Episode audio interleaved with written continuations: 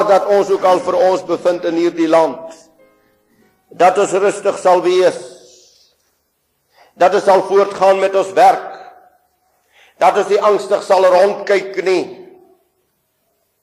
Dat ons nie ontstem sal word sodat ons nie sal weet wat ons doen nie.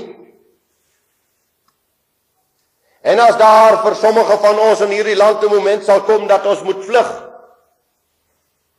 dat ek sal weet ek is nie alleen nie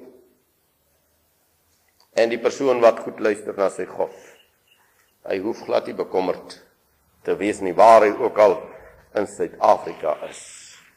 Yeshua sê vir hulle in die geweld wat oor Jerusalem sou kom dan sê hy mos vir hulle pragtig.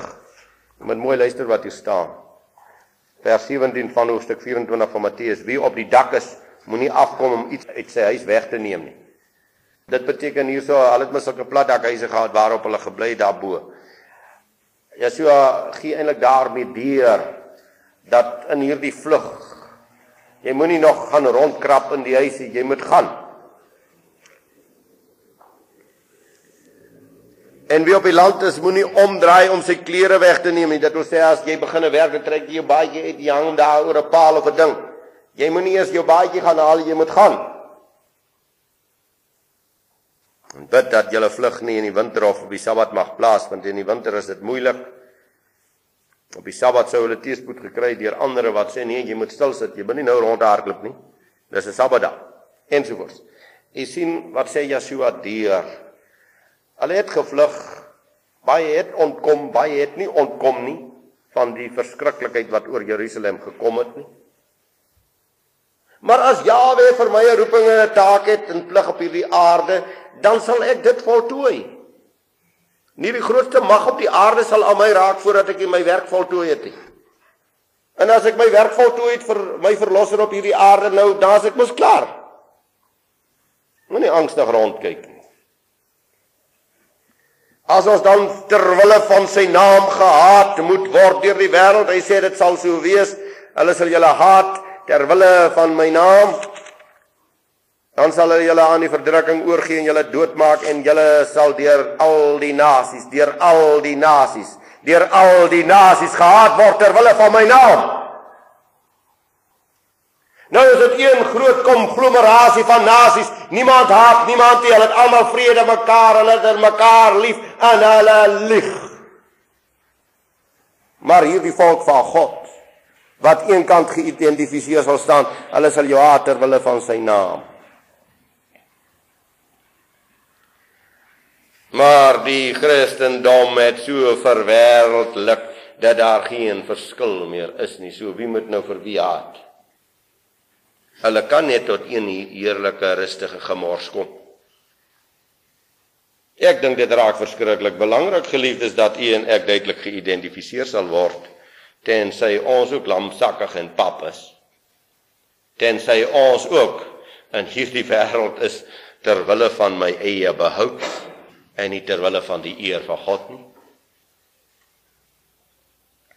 Wat wel baie belangrik is is dat in hierdie Babel waarin ons leef, as hulle die musiekinstrumente speel, allerlei musiekinstrumente dat u en ek nie sal buig en die beeld van die dier uit die see sal aanbid nie. Dis belangrik wanneer die musiekinstrumente in die groot stad Babel gespeel word, dan begin die volk buig. Die verbanne Israelitiese volk buig. Die Babiloniese volk buig. Hulle buig voor hierdie beeld van Nebukadnesar. En ek lees van drie manne, net drie manne wat regop bly staan. En as die geweld voor hulle kom dat die oond ook sewe maal warmer gemaak gaan word, dan sê hulle koning weet dit, Vir jou beeld sal ons nie buig nie. Nou moet jy kyk hoe buig hoe buig die Christendom. Ek praat nie van die wat aangelas is soos voel ente op die boom nie, ek praat nie daarvan nie. Jy weet nou van wie ek praat, al die gesending werk van die eeu het mens 'n klomp voel ente op die boom gebring wat net die boom ontsuur en nog geen vrugte gedra nie. Ek praat van hierdie boom, hierdie volk van God vanuit Europa. Hierdie eens beskaafde hoë nasies wat hulle besoedel het dat hulle net so sleg is soos varke en soos honde.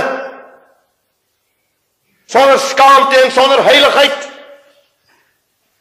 En wanneer al hierdie musiekinstrumente van die aarde begin speel, een slaan op 'n drommetjie wat aan mekaar sê vrede, vrede, vrede, vrede, en hulle buig voor hierdie vals musieknoot. En die ander sê almal is jou naaste, almal is jou naaste. Dis die musiekinstrumente wat u moet hoor speel geliefdes. En hulle buig daarvoor. Geen kwaad, geen sonde teen 'n gemengde huwelik, slaan die drommetjie, slaan die musiek en hulle buig daarvoor. Geen kwaad teen homoseksueel nie, geen kwaad teen homoseksueel nie en hulle wil almal homoseksuele word. Dis die toestand, dis die spel. Dis die mag van die musiek van Babylon. Uit die hel. En ons kinders begin met Amerika se kassette waarop sulke goeters hang, hy het sulke harre en toe om sy nek. En hy maak kreun geluide en bewe daar op die verhoog rond. Vol van die duiwel. En my kinders is verslaaf daaraan aan hierdie musiek. My volk se kinders is verslaaf aan hierdie Babiloniese demoniese musiek. Liewe kind, staan regop. O, staan regop in die Yeshua se naam. Verbrand moet word. Werp daardie goed in die vuurhoond, want as jy dit in die vuurhoond werp, sal jy in die vuurhoond van God gewerp word. Hierdie magtige indoktrinasie van hierdie wêreld waarin ons leef. Subtiel Subtiel is die duiwel as hy deur die mond van 'n juffrou voor 'n blanke klas sê. Wie sê vir julle die Christus was nie swart nie? Hm? Luister na die musiek van Babylon. Luister na hierdie demoniese metodes. En 'n wit volk in Suid-Afrika val. En hy val al verder.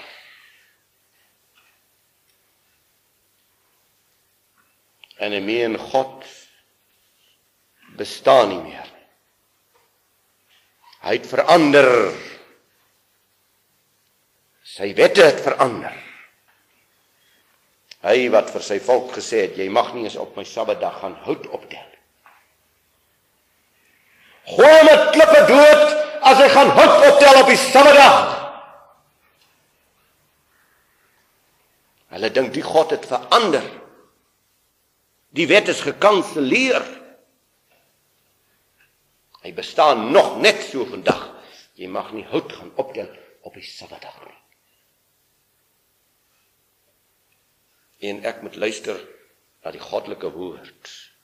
Ons moet of die mense glo, die teologiese wêreld van ons dag, of ons moet hierdie dierbare woord glo.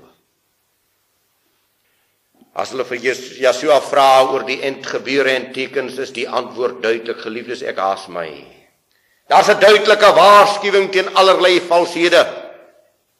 En jy moet onderskei tussen sigbare valshede wat baie sigbaar is en die subtiele valshede wat inkom.